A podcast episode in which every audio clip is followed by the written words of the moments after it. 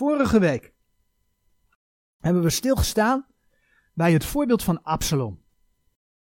We zagen dat Absalom, zo wordt hij in de Bijbel omschreven, dat hij mooi was. En doordat hij mooi was, werd hij geprezen. En doordat hij geprezen was, was het eigenlijk net als met de fariseeën, dat hij ook graag geprezen wilde worden. En hij zette in principe aardigheid in om zijn doelen te bereiken. Absalom die bleek een trots man te zijn. En ja, door die trotsheid was Absalom gericht op zijn ik. Daarom wilde hij bijvoorbeeld zijn vader als koning afzetten en daarvoor gebruikte hij, zo te zeggen, maar alle middelen. Door de tijd te nemen, de mensen naar de mond te praten, aardige dingen te zeggen, complimentjes te maken, aardig te doen, maakte hij dat het volk hem mocht. En door leugens te vertellen over zijn vader, de koning, zette hij de mensen op tegen de koning.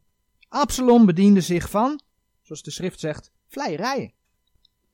In onze maatschappij komt dat ook veel voor, zeker in deze laatste dagen. En ja, hier komt het dus ook, en daar hebben we de waarschuwing voor gezien in, in, in Timotheus, in christelijke gemeentes en organisaties tegen.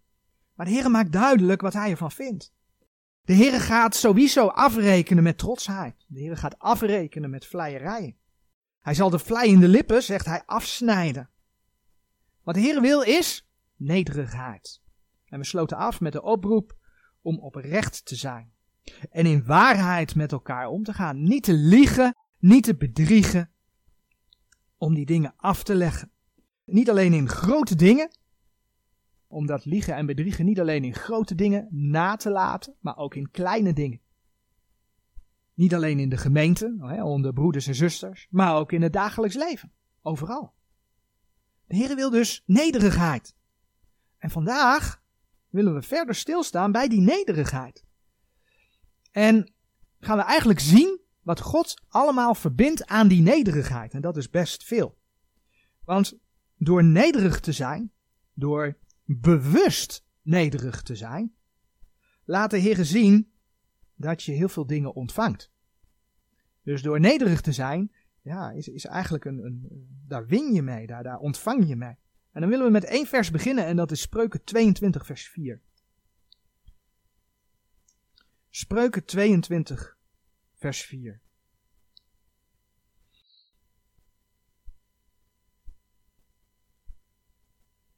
Het loon der nederigheid met de vrezen des Heren is rijkdom en eer en leven. Het loon der nederigheid met de vrezen des Heren is rijkdom en eer en leven. Dat was Spreuken 22, vers 4. Vandaar dus ook het thema: nederigheid maakt rijk. Nederigheid maakt rijk.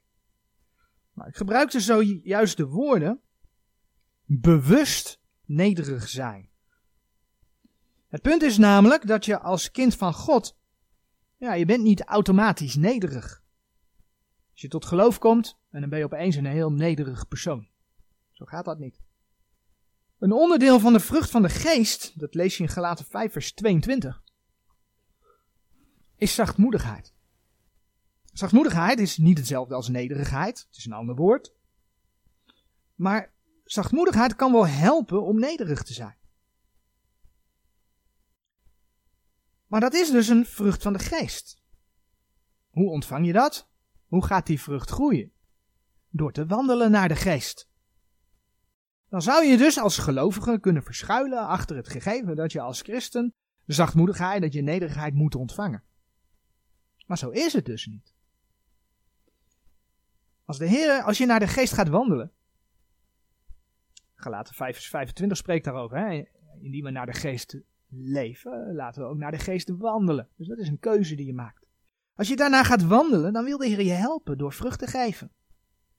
Dus Hij helpt je. Maar daarvoor moet je dus wel zelf een bewuste keuze gemaakt hebben om te gaan wandelen naar de geest. We hebben er wel vaker bij stilgestaan. Ook vorige week heb ik Efeze 4, vers 20 tot en met 25 aangehaald.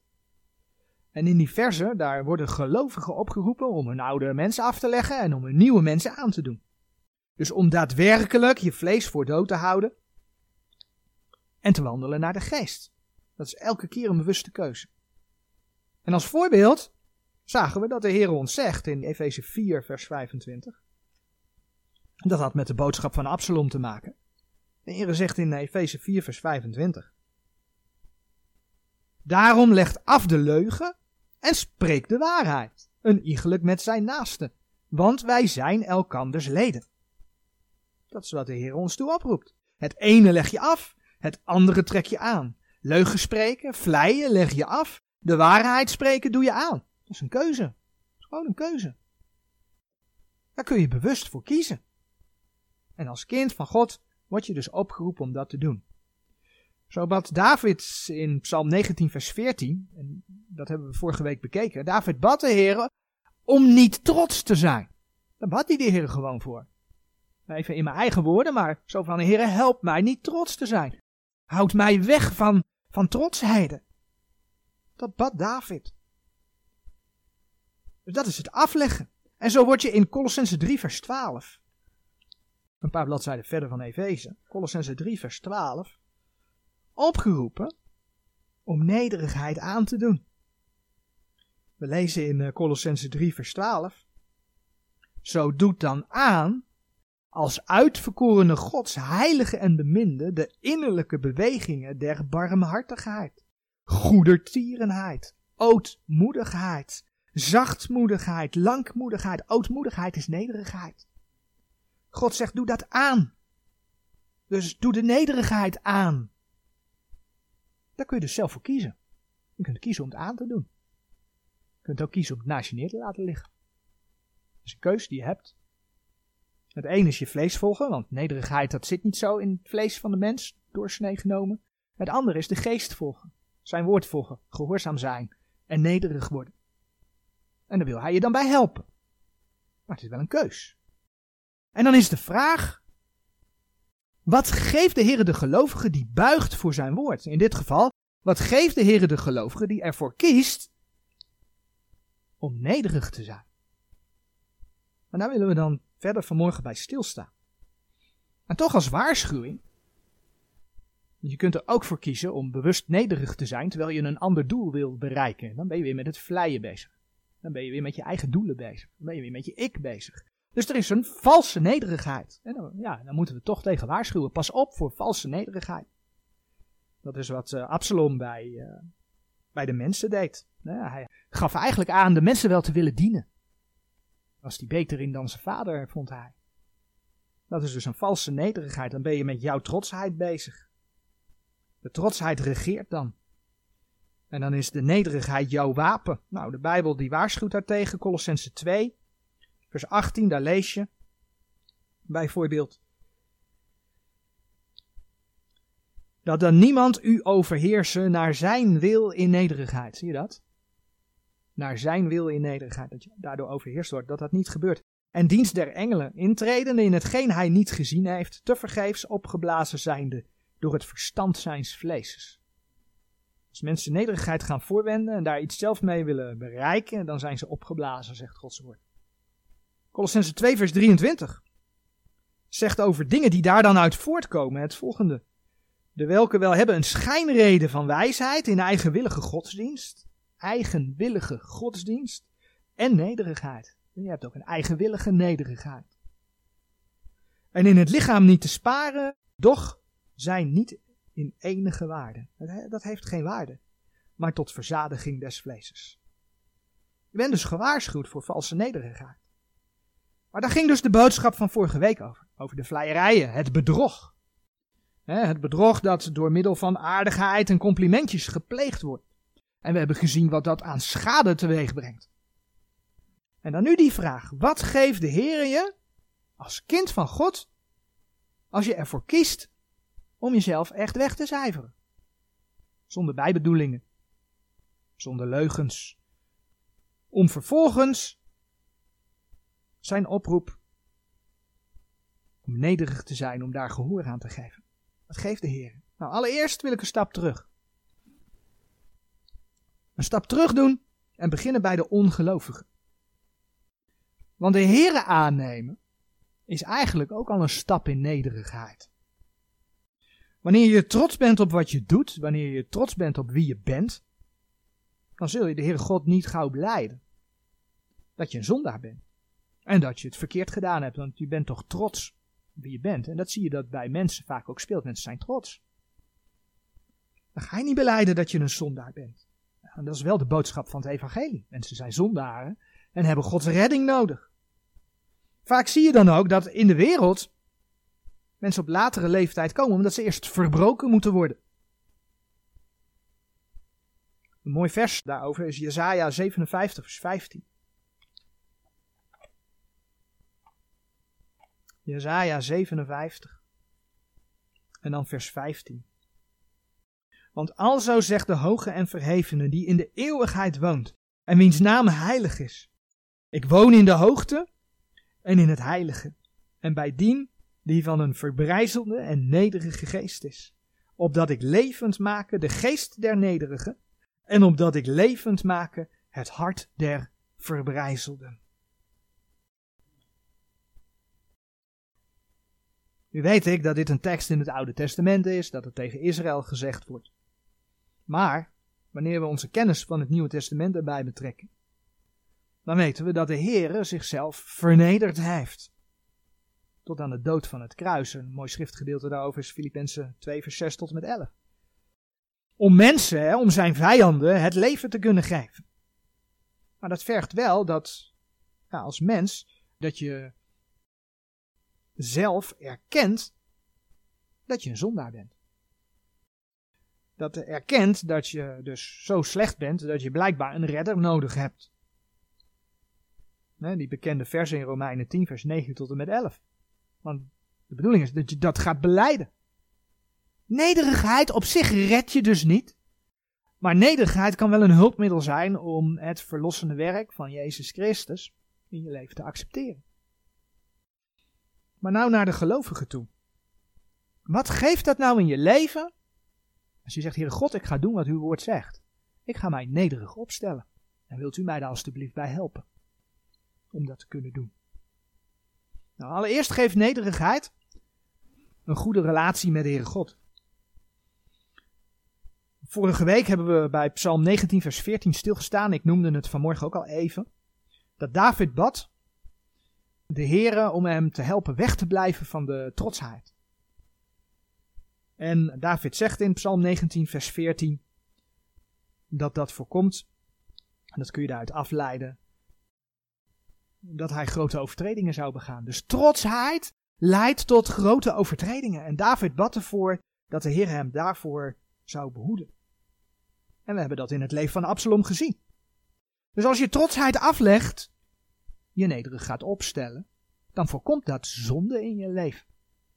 Dat is één. Dan laten we Jezaja 66 opzoeken. Jezaja 66 vers 2.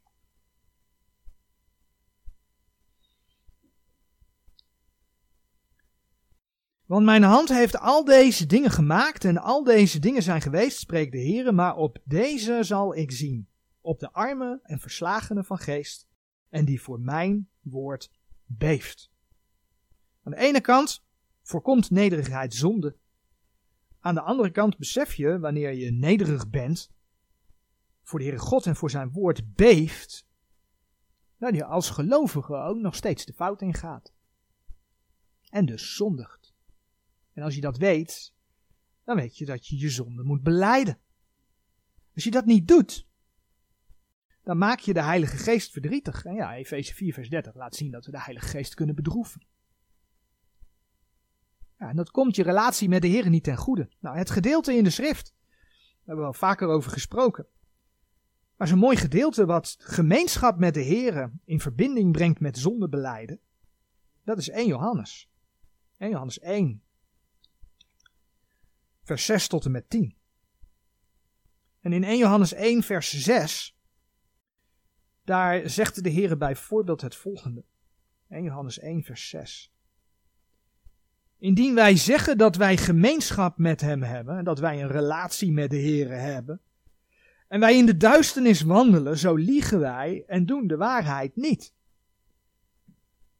Dus door naar de oude mens te wandelen, bijvoorbeeld in trotsheid, bijvoorbeeld in vleierij, als je denkt aan de boodschap van vorige week, dan zeg je misschien als christen wel, Dat je in Gods gemeenschap wandelt. Want ja, je bent toch een christen. Maar dat is dan dus niet zo. Dan lieg je. Dat hebben we net gelezen. Indien wij zeggen dat wij gemeenschap met hem hebben en wij in de duisternis wandelen, hè, trotsheid doen, vleierijen, zo liegen wij. Dan liegen we. Zegt Gods woord. zeg ik niet. Zegt Gods woord. Je hebt op dat moment geen goede gemeenschap met de Heer, want je liegt. En dat geldt niet alleen voor trotsheid, hè. dat geldt niet alleen voor vleierij, dat geldt voor alle zonden. En juist in die context, ja, lezen we 1 Johannes 1 vers 9. Indien wij onze zonde beleiden, hij is getrouw en rechtvaardig dat hij ons de zonde vergeven en ons reinigen van alle ongerechtigheid. Dat staat juist in die context. Dus dan beleid je je zonde en dan word je gereinigd en dat herstelt de gemeenschap met de Heer. Maar dat vergt dus wel dat je als wederom geborene erkent dat je fouten maakt. Dat vergt dat je als wederomgeborene bewust bent van het feit dat je nog steeds fouten maakt. En dat dan dus ook beleidt. En dat vergt dus dat je je trotsheid aflegt en dat je durft te buigen voor een heilige God. Dat vergt dus dat je een nederige houding hebt ten opzichte van die God.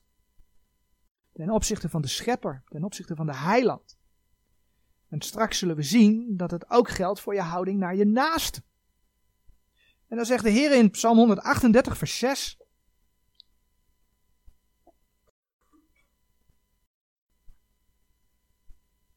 Psalm 138, vers 6. Want de Heer is hoog, nochtans ziet hij de nederige aan.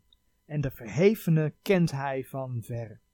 Ja, mensen die trots zijn, die kent hij van verre, zegt Gods woord maar de nederige ziet de Heer aan. De Heer is bij de nederige. De nederige heeft een goede relatie met de Heer God. Een voorbeeld. Laten we naar twee koningen bladeren. In het Oude Testament komen we de geschiedenissen van de koningen tegen. We hebben godvrezende en goddeloze koningen die elkaar op een gegeven moment afwisselen en op een gegeven moment nemen de goddeloze koningen nemen toe. Die zijn er meer dan de godvrezende koningen, om het maar zo te zeggen. En te midden van die geschiedenissen van de koningen lezen we ook over koning Josia. Koning Josia is een koning van Juda. En in vers 2 van 2 Koningen 22 lezen we over hem. En hij deed wat recht was in de ogen des Heren en hij wandelde in al de weg van zijn vader David en week niet af ter rechter noch ter linkerhand. Koning Josia was een godvrezende koning. Onder zijn regering vond er een grote reformatie plaats. Mensen keerden zich terug tot de Heer. Ze keerden zich af van de afgoden. En ze keerden zich tot de Heer hun God. De tempel werd hersteld. Dat lees je in 2 Koningen 22. En toen gebeurde het dat op een gegeven moment het wetboek des Heren teruggevonden werd. En dat wetboek werd aan de koning voorgelezen, 2 Koningen 22 vers 8 en vers 10. En daarna gebeurt het wat we lezen in 2 Koningen 22 vers 11. Het geschiedde nu als de koning de woorden des wetboeks hoorde, dat hij zijn klederen scheurde. De koning hoorde de woorden van God en hij scheurde zijn klederen. Dat was een teken van rouw. En in vers 13. Gaat heen, vraag de Heer voor mij en voor het volk. Dat waren de woorden van de koning. En voor het ganse Juda.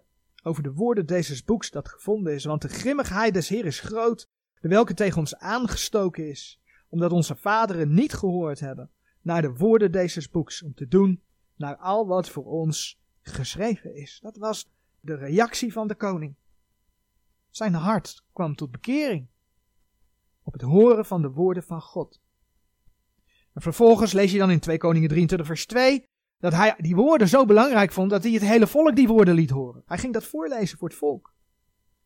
En let op, welke boodschap de Heer aan de koning gaf, aan koning Josia zelf. 2 Koningen 22 vers 19. Dan krijgt koning Josia te horen omdat uw hart week geworden is. En gij u voor het aangezicht des Heren vernederd hebt. Als gij hoordet wat ik gesproken heb tegen deze plaats en derzelver inwoners. Dat zij tot een verwoesting en vloek zullen worden. En dat gij uw klederen gescheurd en voor mijn aangezicht geweend hebt. Zo heb ik u ook verhoord spreekt de Heere. Misschien zeg je wel van, uh, ja maar weet je, op onze tijd, weet je, ik, ik je toch geen afgoden. Ik je geen afgodsbeelden. Maar besef dat, we hebben het over trotsheid gehad, we hebben het over vleierij gehad. Je ik kan ook een afgod zijn. Als je trots bent, dan wil je op jezelf voorstaan. Dat is een afgod dan, want dat staat tussen jou en de Heer in. Op het moment dat je het voorbeeld van koning Josia volgt en je buigt voor Gods woorden, ze zonder mitsen en maren als de waarheid aanneemt en niet zegt van in het ene vers, ja maar dat staat er niet, zonder mitsen en maren aanneemt als de waarheid, je nederig opstelt en naar handelt, je zonde beleidt, dan weet je, dan heb je een goede relatie, zegt de Heer, met Hem. Nederigheid geeft je Gods leiding in je leven. We lazen net in 2 Koningen 22 vers 19 dat de Heer tegen koning Josia zei, vanwege zijn vernederen voor de Heer en vanwege zijn wenen. Zo heb ik u ook verhoord.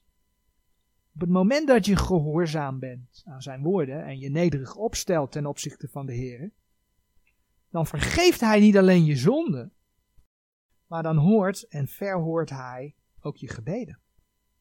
En dat is wel een hele belangrijke les. Als christenen denken we dat we altijd tot God kunnen bidden. En vooral ook dat hij altijd luistert, dat hij altijd hoort. En in zekere zin is dat zo. Want de Heer Jezus heeft de weg voor ons vrijgemaakt. Dus we mogen tot God de Vader gaan. Die weg is open. Maar het punt is dat de Heer je niet altijd verhoort. Je niet altijd hoort en niet altijd verhoort. Een ander voorbeeld daarbij.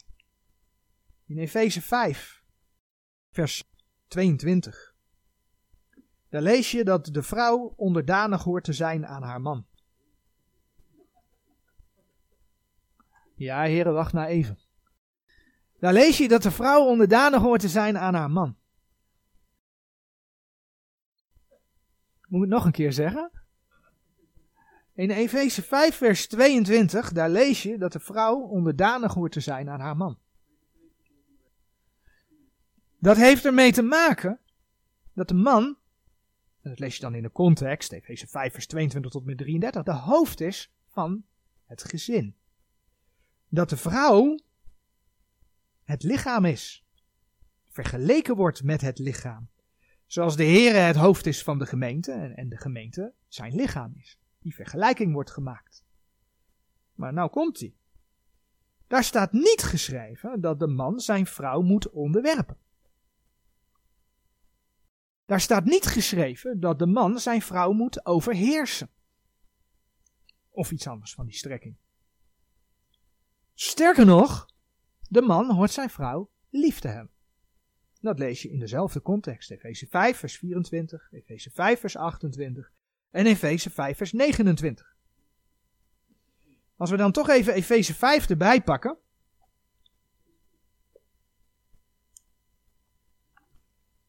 Efeze 5 vers 21. Eigenlijk voor het gedeelte waar het over man en vrouw gaat. Dan lees je wat er tegen ja, gelovigen in Christus Jezus gezegd wordt. Elkander onderdanig zijnde in de vrees Gods. Aha elkander onderdanig zijn. Dat is de houding die je als christen hoort te hebben. En het elkander onderdanig zijnde, dat is iets wat je doet uit vrije wil. En als je dan leest dat de vrouw haar man onderdanig hoort te zijn, dan is dat iets wat zij doet uit vrije wil. Als je dus een vrouw hebt die wederom geboren is en die zich aan Gods woord wil houden, Gods woorden leest, dan zal die vrouw zich vrijwillig aan haar man onderwerpen. Want dat is wat de Heer vraagt. Anders is ze in opstand. Tegen de Heer, in de eerste plaats natuurlijk. Ze doet dat uit vrije wil. En dan weet je, als je weet dat dat met vrije wil te maken heeft, dat dat dus nooit met onderwerping vanuit de man te maken heeft. Want dat is wat vaak de vroegere christenen verweten wordt en de mensen die zich nu nog zo aan de Bijbel willen vasthouden, verweten wordt. Nee, dat heeft helemaal niks met onderwerping vanuit de man te maken. Dat heeft niets met overheersen of iets dergelijks te maken. En wanneer dat laatste wel het geval is, Want daar wil ik eigenlijk naartoe. Als je als man je vrouw niet lief hebt, of wel overheerst, of noem het maar op, dan zegt de Heer daar iets over in 1 Petrus 3, vers 7. 1 Petrus 3, vers 7. Gij mannen, insgelijks, woont bij haar, bij je vrouw, bij haar, met verstand aan het vrouwelijke vat, als het zwakste, eergevende, als die ook mede-erfgename der genade des levens met haar zaait. Voor dit onderdeel, bij deze preek, het belangrijkste komt nog, opdat uw gebeden niet verhinderd worden. Opdat uw gebeden niet verhinderd worden. Als je daar dus tegen ingaat, ben je in overtreding aan Gods woorden. En worden je gebeden verhinderd. De Heere God wil je dan niet eens horen. Hij verhoort je niet. Tenzij je daarachter komt, die je zonde beleidt en het natuurlijk nalaat. Want op het moment dat je je dan nederig gaat opstellen en je zonde beleidt, is je relatie met de Heer weer goed, dan hoort en verhoort de Heer je wel. Dus als je dus bewust in nederigheid wandelt met de Heer, en hij je daardoor hoort en verhoort, ga je dus ook zijn leiding in je leven ondervinden. Zo zei de Heer bijvoorbeeld tegen de profeet Daniel in Daniel 10 vers 12.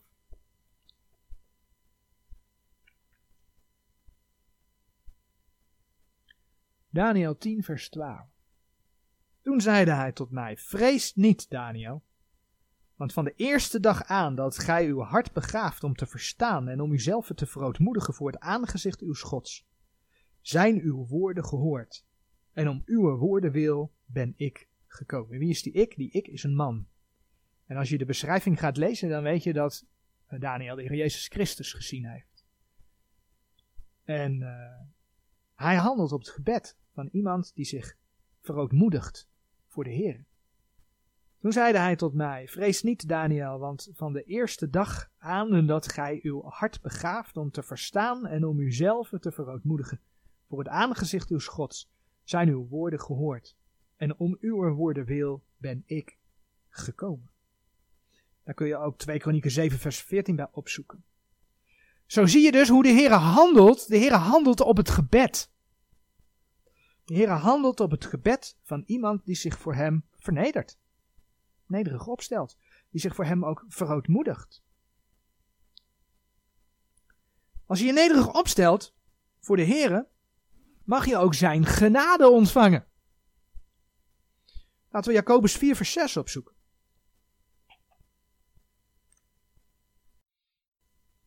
Jacobus 4 vers 6. Ja, hij geeft meerdere genade. Daarom zegt de schrift, God wederstaat de hoogvaardige, maar de nederige geeft hij genade. In 1 Petrus 5 vers 5 lees je eigenlijk precies hetzelfde. Nou, misschien zegt er iemand, ja maar ik heb als kind van God Gods genade toch ontvangen? En ja, het klopt, hè? het eeuwige leven noemt de Heer in Romeinen 6 vers 23 een genadegift. Dat heb je als kind van God gekregen, er komen geen werken aan te pas. Dat klopt. Maar het punt is dat de Heer zoveel meer genade wil geven. Alles wat je krijgt, alles wat je krijgt, is allemaal genade van de Heer.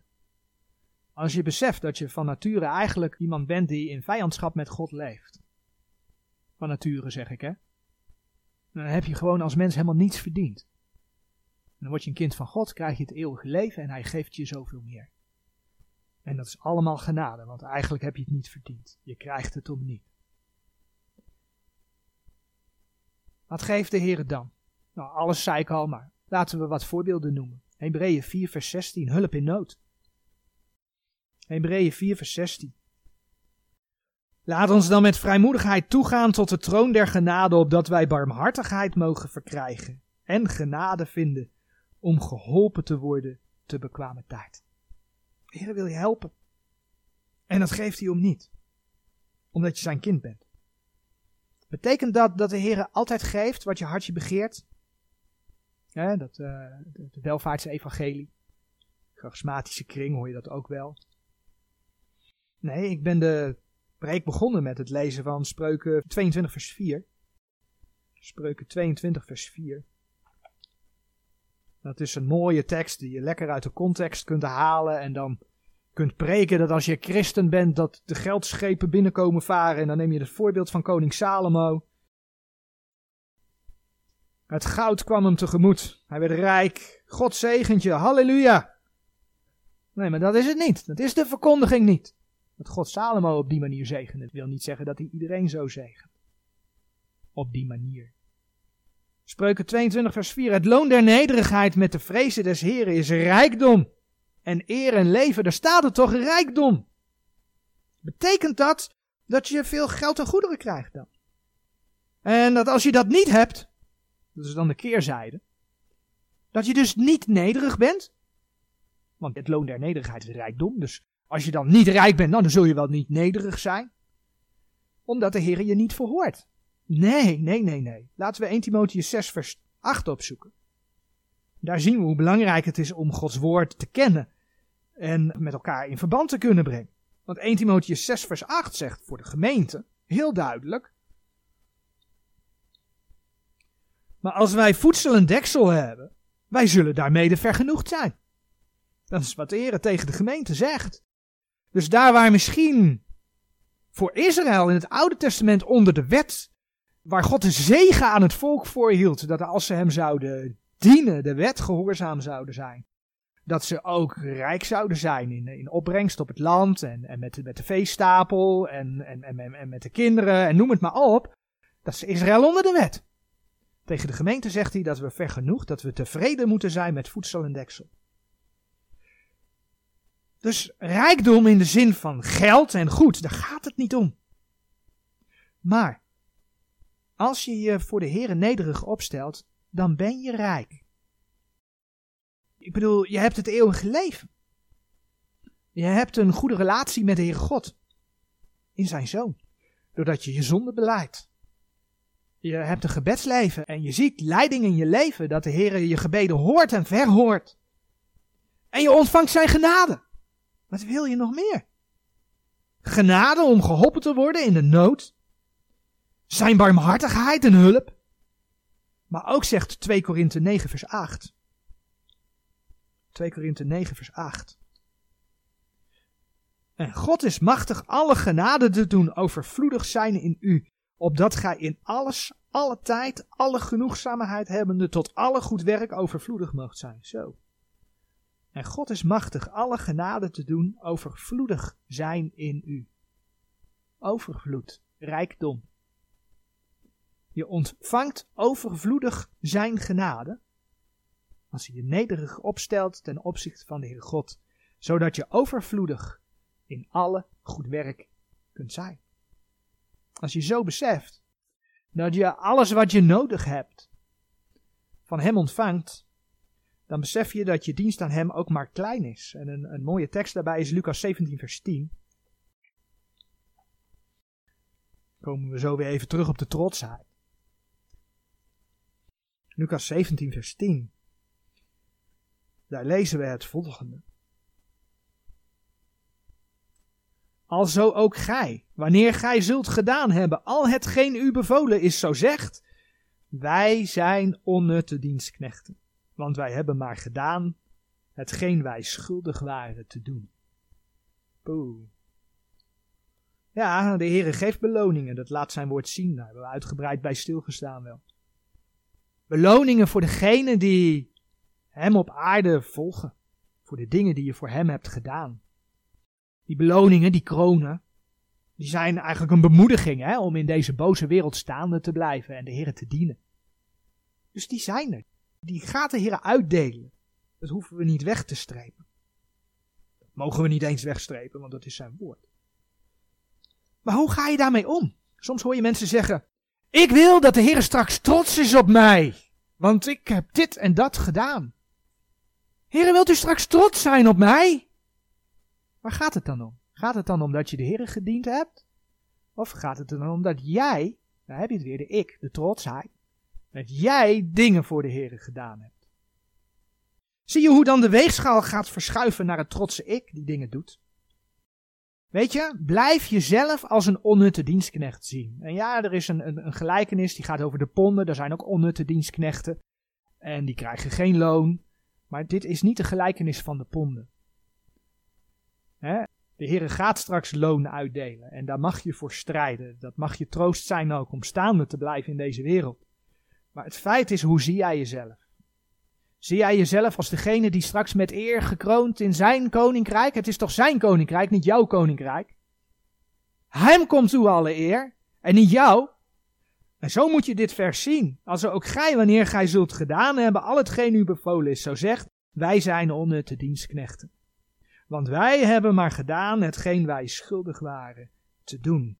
Dat is overeenkomstig Efeze 2 vers 10. Wij doen de werken die de Heer voor ons voorbereid heeft. Het zijn niet eens jouw werken, het zijn zijn werken.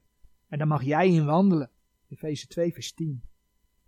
Als je zo voor hem vernedert, dan zal hij je eens verhogen. Ja, dat dan toch wel weer, hè? Misschien dat het door zijn genade hier op aarde al mag zien, maar de kans is ook groot dat je het pas in de eeuwigheid ziet. Maar 1 Petrus 5 vers 6 zegt, 1 Petrus 5 vers 6, Vernedert u dan onder de krachtige hand Gods, opdat Hij u verhogen te zijner tijd. Als je als gelovige nederig opstelt tegenover de Here, dan weet je dat je alles uit genade hebt ontvangen. Hebben we net bij stilgestaan. We zagen al met het uh, vergenoegd zijn met voedsel en deksel. Maar dat laat dus ook zien dat op het moment dat je dus vergenoegd bent met voedsel en deksel, dat je gewoon een tevreden mens bent. Zo zegt bijvoorbeeld Filippenzen 4, vers 11 tot en met 13. Filippenzen 4, vers 11 tot en met 13. Niet dat ik dit zeg vanwege gebrek, want ik heb geleerd vergenoegd te zijn in hetgeen ik ben. Vergenoegd te zijn in hetgeen ik ben. Tevreden te zijn in hetgeen ik ben. En ik weet vernederd te worden. Ik weet ook overvloed te hebben. Alleszins en in alles ben ik onderwezen, beide verzadigd te zijn en honger te lijden, beide overvloed te hebben en gebrek te lijden. Ik vermag alle dingen door Christus die mij kracht geeft. Paulus geeft dus aan dat hij vergenoegd was, dat hij tevreden was in alle omstandigheden. Er is ook zo'n liedje, een opwekking, dat zegt, ik vermag alle dingen in Christus die mij kracht geeft. En dat zingen ze dan in deze westerse wereld. En toen waren ze vergeten dat er ook nog geschreven stond wat we net gelezen hebben. Filippenzen 4, ik zit in het verkeerde Bijbelboek te kijken. Ik weet vernederd te worden. Honger te lijden. Gebrek te lijden. Dat schrijft Paulus ook. Paulus was vergenoegd, hij was tevreden in alle omstandigheden, omdat de Heer hem daar de kracht voor gaf. Dus ja, je mag je opstellen als die onnutte dienstknecht, dat is een stukje nederigheid, die zoveel van zijn of haar heren gekregen heeft, uit genade. Dan ben je tevreden met wat hij geeft. Ook helpt nederigheid, die je niet alleen uh, tot de heren hebt, maar ook naar elkaar, dan zoeken we Romeinen 12 op, Romeinen 12 vers 16. Helpt om de eenheid te bewaren binnen een gemeente. Romeinen 12 vers 16 zegt. Romeinen 12 vers 16. Wees eensgezind onder elkander, tracht niet naar de hoge dingen, maar voegt u tot de nederige. Zijt niet wijs bij uzelf. Ja, daar staat nogal wat. Wees eensgezind onder elkander en de opdracht is, Tracht niet naar de hoge dingen, maar voegt u tot de nederige. Zijt niet wijs bij uzelf. We worden bijvoorbeeld niet voor niets opgeroepen om, Efeze 4 vers 2 en 3, de enigheid des geestes te bewaren. Dus geef elkaar ruimte om te groeien. Besef dat je zelf zo'n klein mensje bent. En het dus misschien zelf ook wel eens een keer bij het verkeerde eind hebt. Filippenzen 2, vers 2 eh, tot en met 4. Filippenzen 2, vers 2 tot en met 4, die zeggen: Zo vervult mijn blijdschap dat gij moogt eensgezind zijn, dezelfde liefde hebbende van één gemoed en van één gevoelen zijnde. Doet geen ding door twisting of ijdele eer, maar door ootmoedigheid achte de een de ander uitnemender dan zichzelf. En dan vers 4, een iegelijk zie niet op het zijne, maar een iegelijk zie op hetgeen dat der anderen is. Ja, dat staat er toch maar wel geschreven. En als je dan dus nederig opstelt, ja weet je, dan is het niet zo van belang wat jij eigenlijk vindt. Doet er dan niet meer zo toe. Dit alles doet niets af dat een voorganger moet waken over de kunnen. Moet vasthouden aan het getrouwe woord, Titus 1 vers 9. En anders moet je Romeinen 16 vers 17 en 18 maar eens lezen. Hè? We hebben net Romeinen 12 vers 16 gelezen. Er is ook Romeinen 16 vers 17 en 18. Dus een voorganger moet niet een dusdanige nederigheid aannemen dat hij uh, wolven hun gang laat gaan en, en, de, en de gemeente laat verscheuren. Maar daar hebben we bij het thema de eenheid van het geloof afgelopen jaar uitgebreid bij stilgestaan. Daar ga ik nou niet dieper op in. Ik geef alleen de waarschuwing mee. Het moet wel een ware eenheid zijn, op basis van de eenheid des geloofs. De genade en de tevredenheid die de Heer geeft, geven ook rust. Matthäus 11, vers 29. Matthäus 11, vers 29.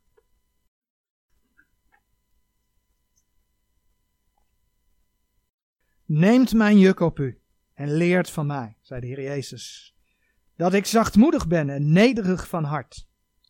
En gij zult rust vinden voor uw zielen. Rust vinden voor uw zielen. De nederige weg die de Heer Jezus voor jou gegaan is. Hij is tot aan het kruis van Golgotha gegaan. Sterker nog, hij is gestorven aan het kruis, hij is tot in de hel afgedaald. Nederige weg die de Heer voor jou heeft gedaan, dat geeft jouw ziel rust. Dat is wat hij belooft. En weet je, dan kun je je maar beter vernederen onder de krachtige hand Gods. Hoe moeilijk het soms ook kan zijn. Het is gewoon een feit. Soms is dat moeilijk. Als je dingen meemaakt, is dat moeilijk. Maar dat kun je in gebed brengen. Zeg je, Heer God, u vraagt mij om me te vernederen onder uw krachtige hand, ondanks dat ik dit meemaak. Help mij te accepteren dat dit in mijn leven is en help mij op u te vertrouwen. Want dan zegt de Heere God dat Hij rust geeft als je je nederig opstelt.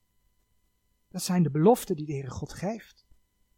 En juist als het dan soms moeilijk kan zijn, ja, dan, dan ervaar je dus dat het lastig kan zijn. Hè? Dat zei ik net, om je onder de krachtige hand Gods te vernederen. 1 Petrus 5 vers 6.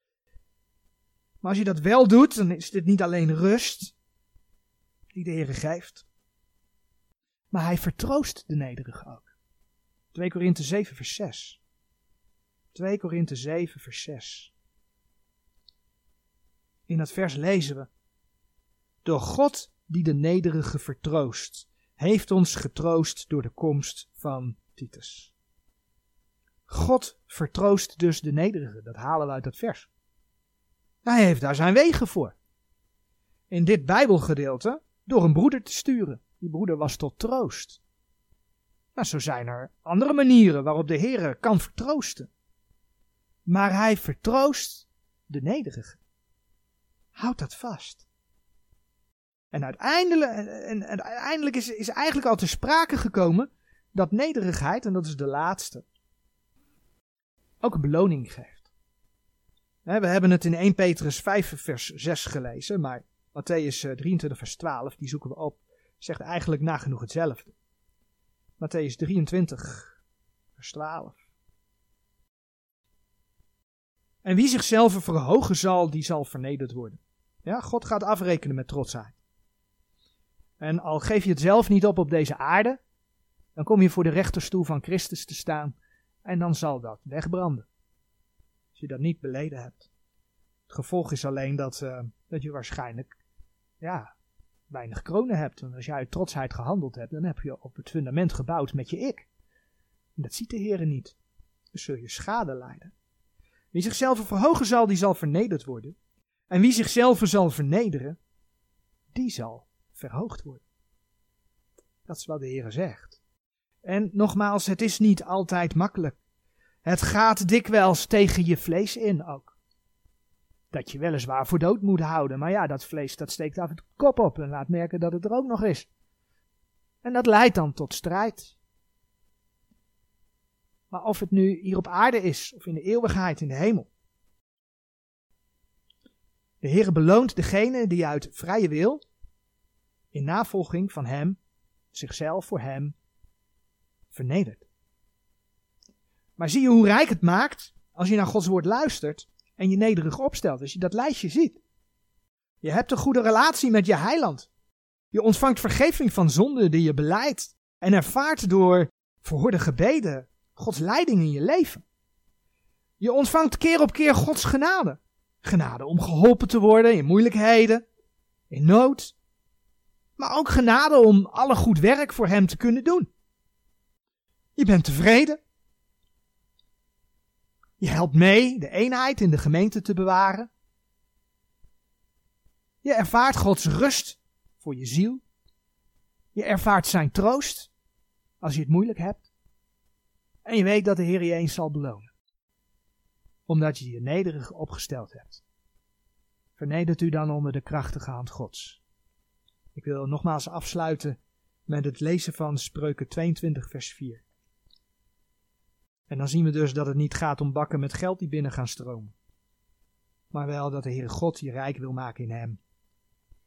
Door te luisteren naar Hem. Spreuken 22 vers 4. Het loon der nederigheid met de vrezen des Heeren is rijkdom en eer en leven. Amen.